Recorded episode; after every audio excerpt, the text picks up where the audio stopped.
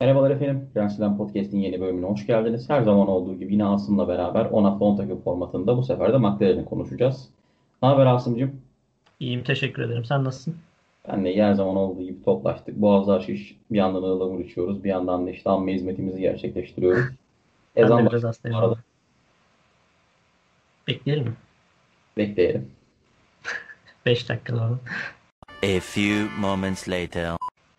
Evet McLaren turbo hibrit çağına Mercedes motoruyla başladı. O zamanlar tabii e, çok güçlü bir motor olduğunu söyleyebiliriz.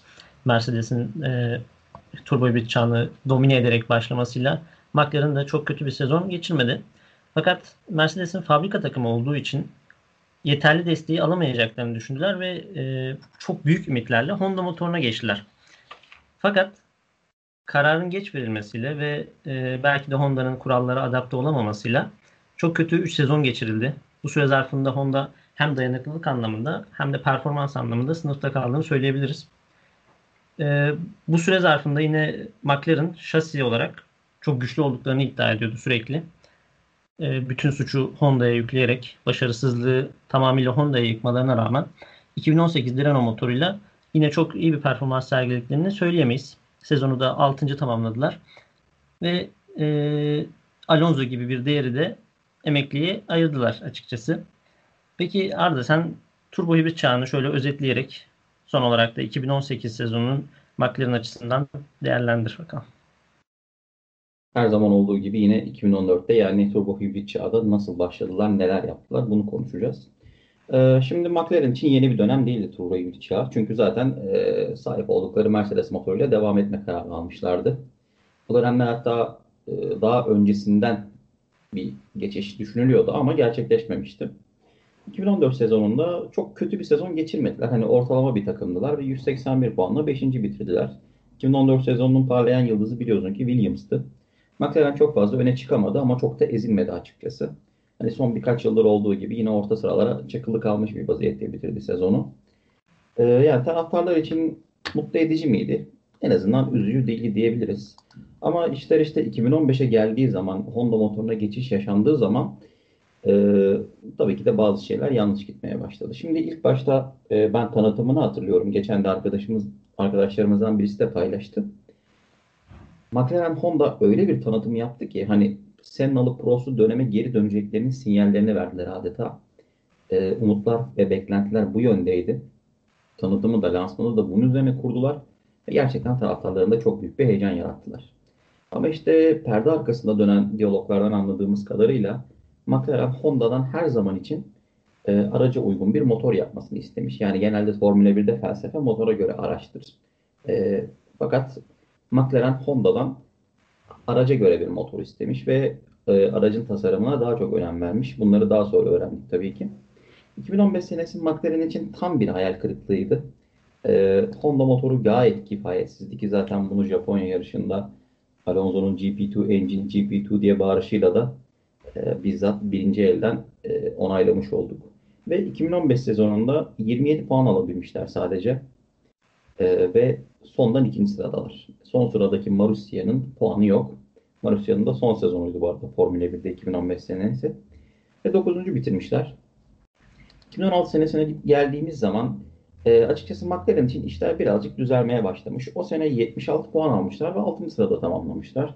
E, bu taraftarları açısından tabii ki de umut vaat edici bir durum. Çünkü geçen sene hiçbir şey yapamayıp sürekli yeni motor güncellemeleri, yeni sistemler deneyip e, yarışa arka sıradan başlayan bir Alonso yerine nispeten e, ara ara gücünü gösteren, e, ara ara McLaren'e iyi sonuçlar aldıran bir Honda motoru vardı. Bunun neticesinde de çok yüksek puanlar toplamamış olsalar da en azından 76 puan alarak hani geçen seneden bir tık öteye gittiler ve e, işleri düzeltebileceklerini sinyallerini verdiler. En azından herkesin beklentisi o yöndeydi. Neticede McLaren çok büyük bir takım.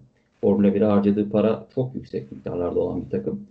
E, bu seviyelerde gezeceğini düşünmüyordu herkes.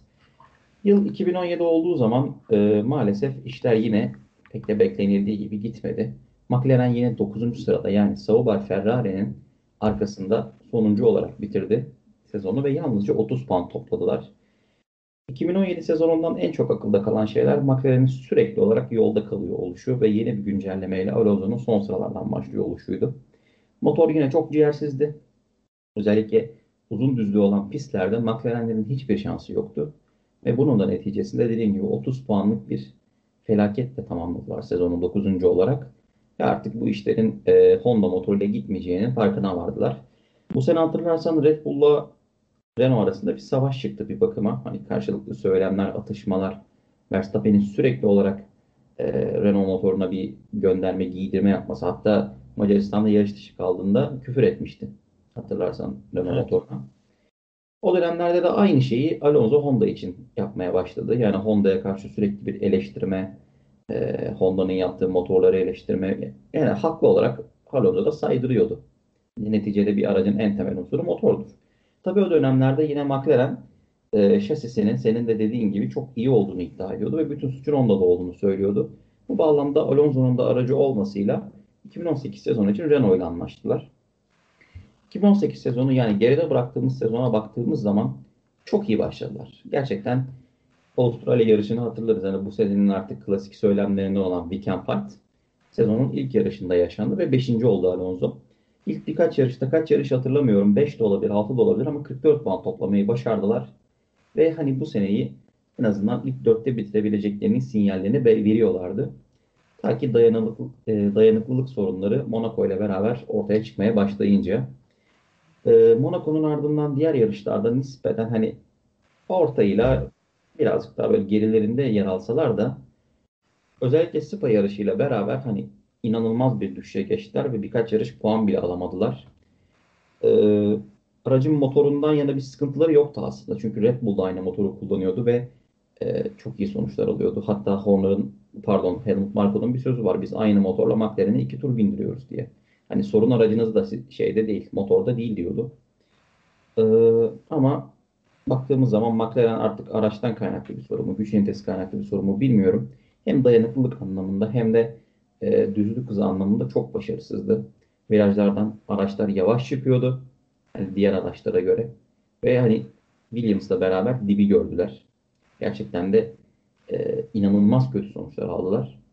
Ve bütün seneyi bitire bitire 62 puanla bitirdiler. Yani ilk birkaç yarışta aldıkları 44 puanın üzerine yalnızca ve yalnızca 18 puan koyabildiler sezonun geri kalanında.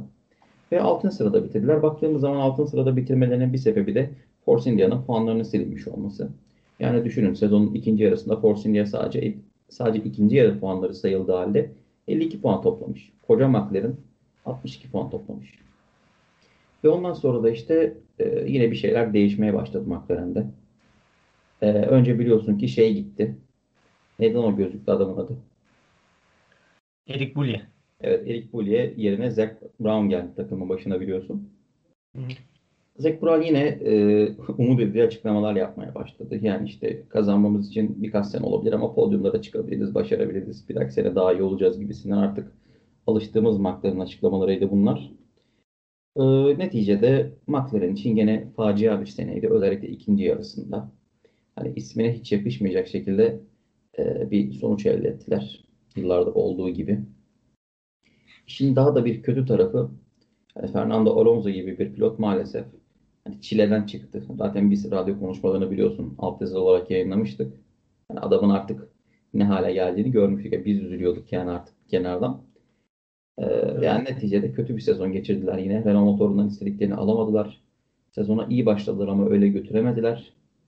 Ve neticede de sonuç ortada yani. Aynen öyle. Ee, Şimdi McLaren dediğimiz zaman ki Formula 1'in en başarılı takımlarından bir tanesi zaten Ferrari ile birlikte tarihi başarılarla dolu olan en büyük iki takımdan bir tanesi. Üç. Şimdi Williams'ı da sayabiliriz tabii ki. Ee, tabii beklentiler çok yüksek oluyor böyle olunca ama son e, 2-3 yıldır dibi gördükleri için sürekli son sıralarda oldukları için ilk yarışta Alonso 5. likle birlikte we can fight diyor. Yani e, aslında hedeflerin düştüğünü de gösteriyor bu. E, tabii doğru olan da bu belki. Hani bir anda sizin üst sıraya çıkmanız mümkün değil. Önce işte bir tık yükselirsiniz. Daha sonrasında tekrar podyum görecek seviyeye gelip tekrar yarışlar kazanmaya başlayabilirsiniz belki ama e, gidişatın ne kadar kötü olduğunu da buradan anlayabiliyoruz. Şimdi e, benim bir tezim var. Hani Alonso'nun yarıştığı takımlarda ve Alonso'da sezonun ikinci yarısında bir performans düşüşü olduğunu düşünüyorum ben. Çünkü kazandığı yarışlara da baktığım zaman bir ara bununla ilgili bir şey paylaşım yapmıştım. Sezonun ikinci yarısındaki yarışları kazanamıyor çok fazla. Genelde galibiyetleri ilk yarışlar, ilk 10 yarışta falan. Şimdi e, düşüşü belki buna da bağlayabiliriz. Bilmiyorum tabii bu e, somut bir iddia değil ama mümkün görünüyor. Şimdi Alonso'nun e, dominant bir yapısı var ve böyle lafında esirgemeyen birisi. McLaren da aynı şekilde geçmişi başarılarla dolu bir takım ve e, Honda üzerinde bir baskı oluşturuyorlar sürekli olarak. İşte daha iyi motor çıkarmalısınız. Bizim şasimiz çok iyi. Siz başarısızsınız. E, bizi e, bize yeterli bir motor sağlayamıyorsunuz gibi eleştirilerde bulunuyorlardı ve belki de Honda'nın başarısız olmasının sebebi bu baskıyı da kaldıramıyor oluşu olabilir mi sence? Çünkü Toro Rosso'ya geldiler ve nispeten çok daha iyi bir motora sahiplerdi. Ya burada dediğim gibi e, birazcık Horner'la Marco'nun açıklamalarına bakmamız gerekiyor. Horner diyor ki bizim Honda'ya yaklaşımız McLaren'in Honda'ya yaklaştığından çok daha farklı ve çok daha rahat bir şekilde yaklaşıyoruz. Honda'yı hiçbir şekilde baskı altında bırakmıyoruz. Ve onlardan tek istediğimiz hani yapabildiğiniz en iyi motoru bize sunmanız. Hiçbir şekilde onlara ekstra bir baskı, ekstra bir e, istek yağmurunda tutmuyoruz onları. Ve yine dediğimiz gibi McLaren araca göre bir motor tasarımı istiyorken Honda e, pardon Red Bull Honda'ya diyor ki sen yapabildiğin en iyi motoru yap ben aracı ona göre uydururum. Yani böyle temel bir fark da oluyor ve dediğim gibi Red Bull Honda'yı bu kadar rahat bıraktığında e, Toro Rosso üzerinden bakarsak hani geldikleri mesafe gerçekten de hani göz kamaştırıcı. Hani o Honda için.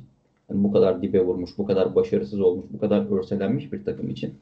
Tekrardan e, hani Renault motorunu geçtikleri söylenmesi, e, bir dahaki sene için umut verici açıklamaları yap, umut verici açıklamalar yapıyor olmaları, hani belki de şampiyonluğa oynayabilecek bir kalibrede araç yaratabilecek olması Red Bull'la beraber hani e, psikolojik açıdan Honda'nın toparlandığının en büyük göstergesi. Mesela sezon başı testlerinde de Barcelona'da en fazla tur atan takımdı dayanıklılık anlamında. Evet yani McLaren'da biz hiçbir zaman böyle bir şey görmedik. Yani McLaren Honda'nın en büyük sıkıntısı zaten dayanıklılıktı. Hani 2015 senesinde 2010 pardon 2015 2016 2017 yani toplam o 3 senelik periyotta hani en fazla DNF olan takım McLaren ve hepsi bunların neredeyse şey motor hasarı, dayanıklılıktan kaynaklı şeyler. Ve hani biz bu sene Toro Rosso'ları kaç defa DNF olurken gördük. Çok nadir durumlarda gördük. Bir Rusya'da oldular sanırım. Onun dışında ben hatırlamıyorum hani böyle motorundan duman çıka çıka e, kenarda kalan bir Toro Rosso. Varsa, vardı galiba. Hı? Abu Dhabi vardı galiba. Şey. Meksika Meksika Gazi'nin çığırdı. Bir işte dediğim gibi bir, bir dakika Rusya'dan sonra Meksika mı? Yani Meksika'da bir Gazi'nin arkasından duman çıkıyordu hatırlarsın. Bayağı bağırıyordu telsizle. Ha tamam o işte. Ha, dediğim gibi toplam bütün sene boyunca 2-3 yarış. Ve hani evet. bir baktığın zaman McLaren'de bir senede yaklaşık 7-8 yarışta yolda kalan bir motor. Ee, bir senede bir iki tane DNF olmaları gerçekten de hani bazı şeyleri üstesinden geldiklerinin göstergesi. Hani baktığımız zaman bu sene Mercedes bile bir, bir yarışta şey yaptı. Düşün Mercedes demek dayanıklılık demek. Ve onlar bile Avusturya, Avusturya'da iki motorunu bir, birden kaybettiler. Yani böyle bir evet. durumda hani Honda'nın gelişen bir ekibin bütün seneyi 2-3 tane motor hasarıyla tamamlamış olması gerçekten hani e, onlar adına umut verici bir şey. Aynen öyle. Birçok kişiye göre efsane konumunda bulunan birçok kişi de birçok kişinin de overrated olarak yorumladığı Fernando Alonso'yu konuşalım birazcık. 2005 ve 2006 yıllarında Schumacher'i deviren adam olarak nitelendiriliyordu ve çok fazla şampiyonluklar kazanacağı, Formula 1'in yeni efsanesi olacağı söylentileri konuşuluyordu. Fakat yanlış tercihleri, yanlış zamanda yanlış yerde olması, son yarışta kaybettiği şampiyonluklar vesaire derken kazandığı iki şampiyonlukla kaldı ve bu sezon sonunda da emekli oldu. Alonso yorumlarını alalım senden.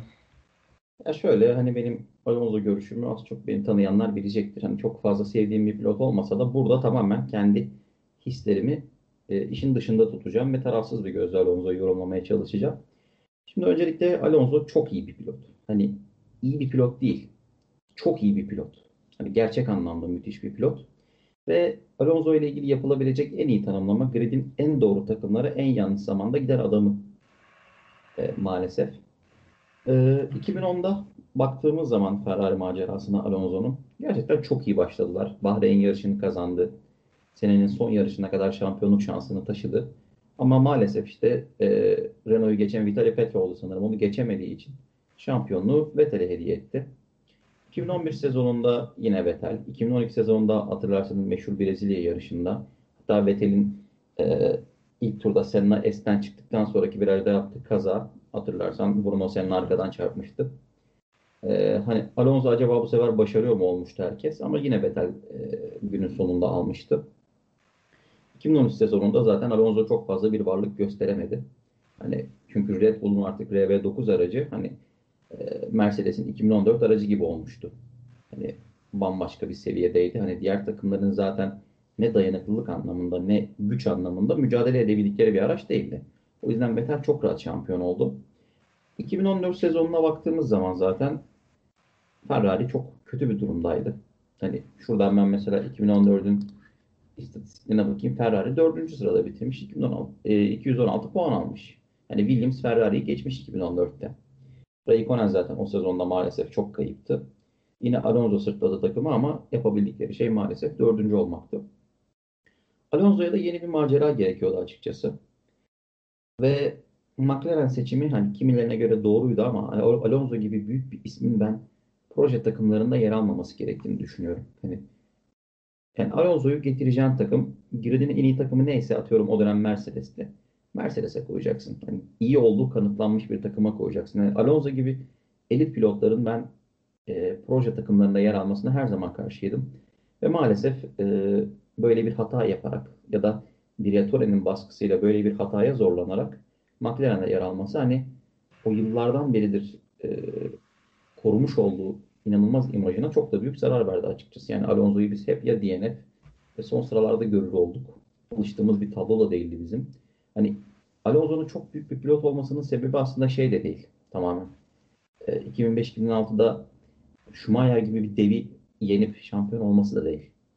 2010-2013 yılları arasında araçları Red Bull'dan hani bariz şekilde daha kötüyken buna rağmen şampiyonluk yarışı içerisinde kalması, o aracın fersah fersah üstüne çıkması ve şampiyon olabilmek için elinden gelen her şeyi yapmış olmasıdır. Yani bu yüzden hani Alonso benim için burada e, elit pilotlar kategorisinde hani ilk üçe çok rahat girebilecek bir pilot. Hatta gelmiş geçmiş en iyi Formula 1 pilotları arasında ilk beşe koyarım Alonso'yu. Çok net söylüyorum. Hani çok büyük bir Vettel taraftarıyım.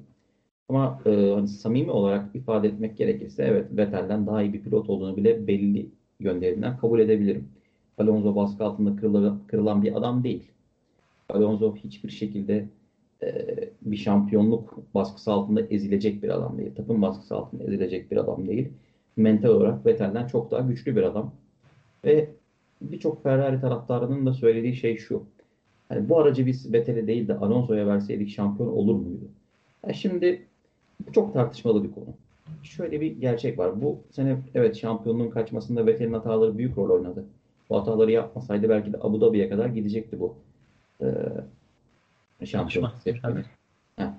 Şampiyonluk yarışı ama Vettel kadar Ferrari'nin de hataları var. Alonso'nun Ferrari'den ayrılmasına sebep olan belli başlı yönetim hatalarıydı biliyorsun. Alonso Ferrari ilk geldiğinde yaptığı ilk açıklama umarım sonsuza kadar bu takımda yarışırım olmuştu. Ama işte Ferrari'nin yaptığı o çok büyük yönetimsel hatalar hani Fer Alonso'yu da Ferrari'den itti. Vettel'i de maalesef çok büyük baskı altında bıraktı ve hata yapmaya zorlandı Vettel. Kalkamadı altından bu baskılar hataya sebep oldu onun üzerinde. Alonso belki bu hataları yapmazdı ama Ferrari'nin hataları Alonso'nun şampiyonluğunu gölgeleyebilirdi diyorum. Hani kazanamama ihtimali bence daha ağır basıyordu. Çünkü yani Hamilton'la ve Mercedes'le gerçekten rekabet etmek komple bir takım işi. Hani şey yapamıyorsunuz maalesef.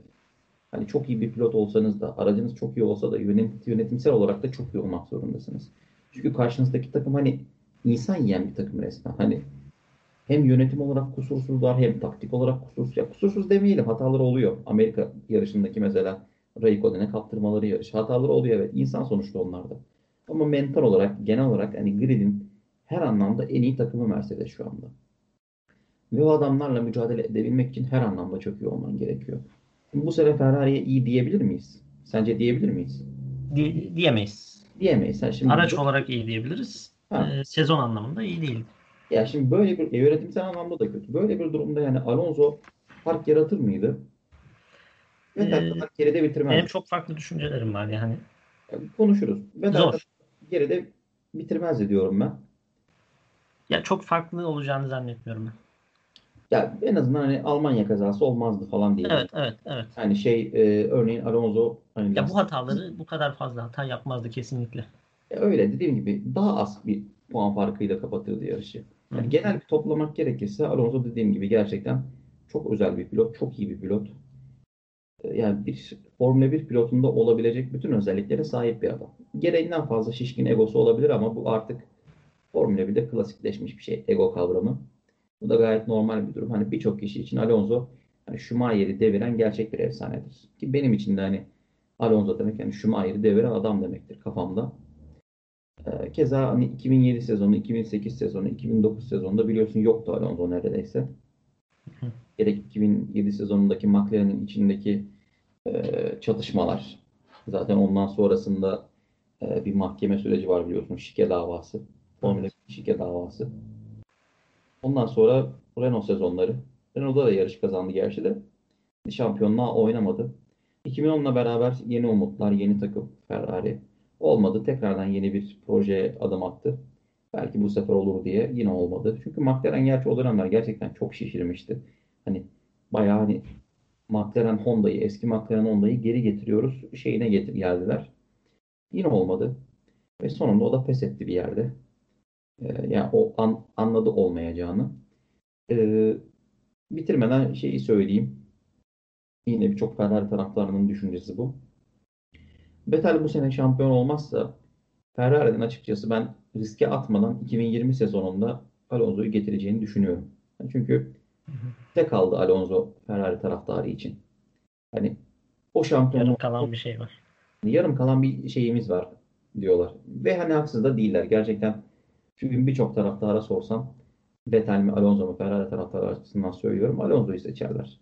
Keza ben anlatmıştım meşhur e, Ferrari mekaniker stalkumu. Orada da Ferrari mekanikerlerinin hani ne kadar büyük bir Alonso fanı olduğunu hani bizzat birinci elden gözlemledim. Ya o yüzden e, 2020 Alonso ihtimali aslında üzerinde çokça durulması gereken bir ihtimal. Yani diyeceklerim bu kadar Alonso ile ilgili. Teşekkür ederiz. Şimdi ben de Formula 1'i ilk izlediğim zamanlar bu işte Alonso'nun top noktada olduğu 2005-2006 yıllarına denk geliyor. Dolayısıyla e, ne kadar büyük bir yetenek olduğunu canlı gözle iz- izleyince ayrı bir keyiflendiğimi söyleyebilirim. Ama e, şimdi başarı dediğimiz şey yetenekle doğru orantılı olabilir ama sadece yetenekle e, tanımlanabilecek bir şey değil. Yeteneğin yanı, yanı sıra takım arkadaşınızla ilişkiniz, e, aracın gelişimine olan katkınız, baskıyı kaldırabilmeniz, medya ilişkileriniz, yönetim ilişkileriniz her şey bir araya gelerek doğru zamanda doğru tercihlerinizle e, yarış içerisinde belki sakin kalabilmekle, stratejik anlamda doğru şeyler yapabilmek hepsinin bir bütünüdür başarı. E, bütün bunları topladığımız zaman ben Alonso'nun çok başarısız bir pilot olduğunu düşünüyorum. Çünkü inanılmaz yetenekli, belki griddeki en yetenekli pilot da olabilir hala daha. Ama sonuçta hani ortada bir meyve yok yani. İki şampiyonluk sonrasında geçen 12 sezon. Bunların 3 tanesini son yarışta kaybettiğinde hatırlatalım. 2007, 2010 ve 2012. Hani baskıyı kaldırıyor evet ama son yarışta kaybetmesi enteresan. Tabii aracın e, yetersiz performansı olabilir 2000 Ferrari döneminde özellikle. 2007'deki yönetimsel hatalar. E, ama işte büyük pilot olmak belki de orada devreye girmesi gerekiyordu. Bilmiyorum.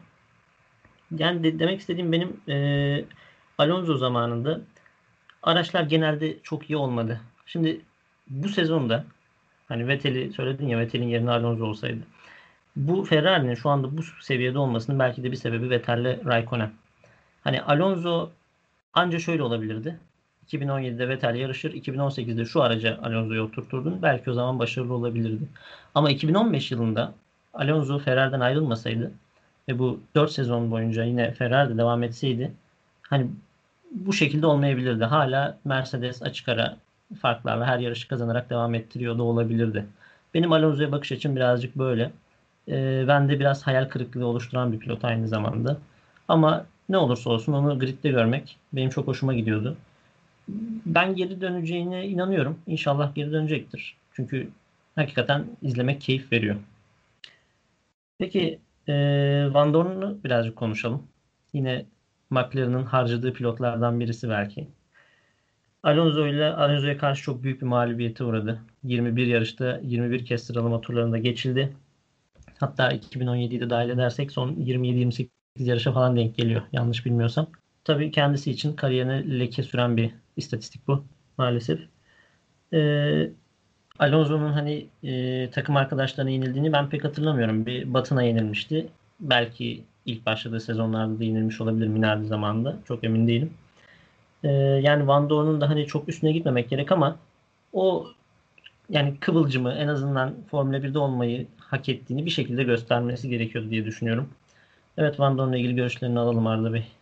Ya ben her zaman Arda Bey ne oğlum? Ben her zaman Ahmet, Ahmet. e, şunu söylemişimdir diğer podcastlerde de. Yani Formula 1 PTT birincilik değil. Formula 1 dediğimiz yer Şampiyonlar Ligi ve hani burada çok başka bir seviyede yarışıyorsun. Buradaki baskı bambaşka. Hani buradaki yarış ortamı bambaşka. Buradaki pilotlar bambaşka.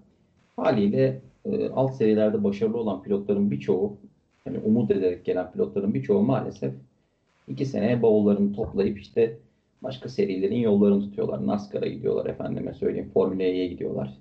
IndyCar'a gidiyorlar. Van Dorn da işte bunun e, yakın dönemde en güzel örneklerinden birisi. Aslında Sirotkin'i bile sayabiliriz az çok çünkü o da alt serilerde çok başarısız bir pilot değildi. Para için gelmiş olsa da gene de hani çok e, tamamen boş ot- otursun diye getirilmiş bir pilot değildi. Van Dorn'a baktığımız zaman maalesef dediğim gibi Formula 1 seviyesine ayak uyduramayan bir pilot oldu. İlk senesinde aslında hani bir gelecek vaat ediyordu. Belki bir şeyler yapabilir diyorduk. Ama 2018 sezonuyla beraber maalesef e, Formula 1 seviyesinde bir pilot olmadığını gösterdi. E, ben üzüldüm çünkü sevdiğim bir insandı Van Dorn. 2015'te de zaten şampiyon olmuştu GP2'de. E, keşke daha iyisini yapabilseydi. Gerçi hani kullandığı araç da çok e, iyi olmasa da bazen hani öne çıkan yarışları oldu. Mesela bu seneki Meksika yarışında 8. olması. Ama onun dışında hani Van Dorn'u Formula 1'de kalmaya yetecek kadar e, iyi bir performans gösterirken izleyemedik hiçbir zaman. Dolayısıyla hani kısa sürdü hikayesi. Şimdi Formula E'ye gitti. Hatta oradan da açıklamalar yapıyor. Formula E falan bayağı güzel diye. Çok güzel siz de gelin falan diyor pilotlara.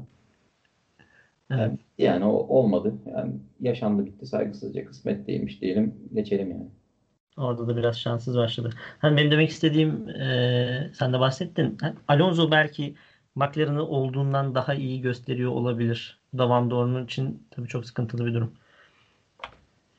Evet. McLaren'ın bu sezonki kadrosu Sainz ve Norris olacak. İki pilot da değişti. Birçok kişinin ismi geçti yine aslında. Ocon özellikle e, fabrikaya gittiğini söyledi. Araca sığmamış. Geçen hafta da sen söylemiştin yine. E, Norris yine McLaren'ın genç akad- sürücü programından bir pilot. Geçen sezon işte Formula 2'de ikinci oldu sanırım. Albon da ikinci olmuş olabilir emin değilim. E, yine genç bir kadro biraz daha. Hani Sainz'in evet dördüncü sezonu olacak. Değil mi? Dört mü olacak? Üç mü? Dört olması lazım.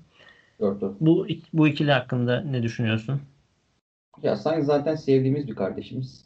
Hani yıllardan beri izlediğimiz, bildiğimiz. Alonso'nun varisi de deniyor. Hani Alonso'nun varisi denen Renault'da da e, hani kötü bir performans ortaya koymayan açıkçası Sainz. İyi, bir- e, iyi denebilecek bir pilot. E, McLaren seviyesinde mi? Şu anki McLaren'in seviyesinin üstünde. Ama genel baktığımız zaman hani elit pilot kategorisinde mi? Maalesef şu an o seviyede değil. McLaren'i ileri taşıyabilir mi? Ya öncelikle McLaren'de ben oldukça standart bir performans göstereceğini düşünüyorum Carlos Sainz'ın. Ee, tabii bunda McLaren'in 2019 sezonu için üretici aracın da payı çok büyük olacak. Yani Renault gibi bir araç verebilirse McLaren hani Renault seviyesinde e, geçen sene olduğu gibi hani Sainz bol bol puan alırken e, podyum için olmasa hani 5.lik 6.lık için mücadele ederken izleyebiliriz gibi düşünüyorum. Norris'e bakacak olursak Norris de e, yine aracı durumuna göre yani aracın kondisyonuna göre muhtemelen Van Dorn'dan daha iyi işler ortaya koyacaktır ve birçok yarışta puan alacaktır. McLaren dibe vurmuş bir takım. Yani gerçekten bitmiş bir takım. Yani dibe vurduğun zaman artık daha da daha da düşemiyorsun yani. Çünkü en dibe vurmuşsun. Bundan sonra atacağın her adım daha yükseğe çıkmana olanak tanıyor. Dolayısıyla McLaren'ın ben nispeten daha iyi bir sezon geçireceğini düşünüyorum 2019'da bu pilot ikilisiyle. Ee, bir çaylak ve bir yarı çaylak pilot bence McLaren'i yani bu seneki performansından işte puan olarak bir tık öteye taşıyabilir. Yine McLaren'de çünkü hani hatalarından ders alan bir takım. En azından aldığını söyleyen bir takım. Bununla ilgili çalışmaları oldukça fazla yapıyorlar bu dönemlerde. Ee, aracın üzerine daha fazla eğiliyorlar. Ya bence hani bunun meyvesini toplayacaklardır yavaş yavaş da olsa. Evet. Sainz e, gerçekten benim çok başarılı bulduğum bir pilot. Orta orta e, sıralardaki takımlar içerisinde, pilotlar içerisinde. Hortum mu dedin lan sen? Ne? Hortum dedin oğlum. Hortum takımları. Orta orta sıra dedim lan. Önce hortum dedin. Sainz benim de çok başarılı bir bulduğum bir pilot. Özellikle orta sıra takımlarda. Ee, Toro Rosso'da bir dördüncülüğü vardı. Hatırlayacaksın Singapur'da olaylı yarışta. Şakalaka. Bum şakalaka aynen. Toma. Şaka değil mi lan? Bum şakalaka. Ha. tamam. Ee, evet başarılı yani. Ve mesela bu sezonda çok istikrarlıydı. Ee, puan anlamında Hülkenberg'in gerisinde kalmış olmasına rağmen birçok yarışta 11. ve 12. olduğunu söyleyebilirim. Yani puan barajının bir tık altında kaldı. Hani buralarda bir iki sıra yükselebilirse belki çok daha fazla puan toplayabilirdi. Senin- Mesela Hülkenberg, Hülkenberg biraz daha istikrarsız bu konuda. Ya 5. 6. bitiriyor, 7. bitiriyor ya da işte 15. bitiriyor, DNF oluyor falan gibisinden. Sadece istikrar, istikrar, istikrar anlamında daha iyi buluyorum ben. Ee, Norris Norris'te bu işte yeni jenerasyonlarda birçok pilot var. Herkesin işte yeni şampiyonluk adayları. Verstappen, Leclerc, Russell, Gasly gibi pilotlar içerisinde bence en zayıf halka benim düşünceme göre. Ee, İngiliz bir pilot yarar. efendim Ummadık taş baş yarar. doğru yarar ama arkasındaki İngiliz desteğinin de ben e, PR olduğunu düşünüyorum McLaren takımında. Çabuk yapıyorsun Hans. Ee, ırkçılık değil bu ya. Hani McLaren sever İngiliz pilot yarıştırmayı. Mesela Hamilton'da işte McLaren'dan çıkmış bir pilot. Yani kendilerinden görüyor olabilirler. Senin şimdi bir Türk takımın olsa Türk pilot yarıştırmak istemez misin yetenekli? Hayır. Peki. Daha profesyonel yaklaşıyorsun. Yarıştırırım tabii ki de. Yani yani belki McLaren açısından da böyle bir önemi olabilir bilmiyorum. Ee, ama yine orta sıralarda takılacaklardır herhalde. 2019'da e, yükseleceğini, daha da yükseleceğini düşünüyor musun? Mesela Renault'la mücadele edebilirler mi? İşte Force India yine se- sezonun ikinci yarısında bir yükselişe geçmişti. Muhtemelen yine rakip olacaktır. Haas bir Ferrari desteği alıyor. İşte Haas'la mücadele edecekler yine. Ne düşünüyorsun? Ya az önce dediklerimin hani tekrarını söylemiş gibi olacağım ama ya dediğim gibi McLaren dibi görmüş bir takım. Yani dibi gördükten sonra atacağın her adım yukarı çıkmana yönelik olacaktır. Dediğim gibi McLaren hatalarından e, ders çıkardığını söyleyen bir takım. E, bu sezondan daha iyi olacaklarını düşünüyorum. Bu sezondan daha iyi bir araç sunacaklarını düşünüyorum pilotlarına. Ve bu ikiliyle e, çok daha mücadeleci bir takıma dönüşeceklerine inanıyorum. Haas'ı geçerler. Renault'u geçebileceklerini düşünmüyorum ama hani çok da puan olarak gerisinde kalmay kalmazlar yani. Renault da Formula 1'e çok değer veren bir takım aslında. Bayağı e, yatırım yapıyorlar. Yani şimdi bizi izleyenler arasında dediğim gibi bu Formula 1 sporunu bir yıldır izleyenler var. Yani Renault'u Renault'u elit takımlar kategorisinde bile görmüyor birçoğu ama biz mesela. Renault haftasına geçtiğimiz zaman hani artık elit takımları konuşuyoruz diye lanse Evet. edeceğiz Renault'u da. Çünkü Renault baktığımız zaman Milenyum'da 6 şampiyonluğu olan bir takım. İki tanesini takımlar e, iki tanesini kendi takımlarıyla dört tanesini motor üreticiliği e, bazında almışlar ki Red Bull şampiyonluklarına baktığımız zaman özellikle 2011, 2012, 2013'e bayağı e, Red Bull fabrika takımı gibi çalışmışlar. Bunu ben sana geçen podcastlerden birinde de söylemiştim. Yani Renault bütün PR şeylerinde, bütün araç tanıtımlarında Red Bull'u kullanıyordu. Red Bull pilotlarını kullanıyordu.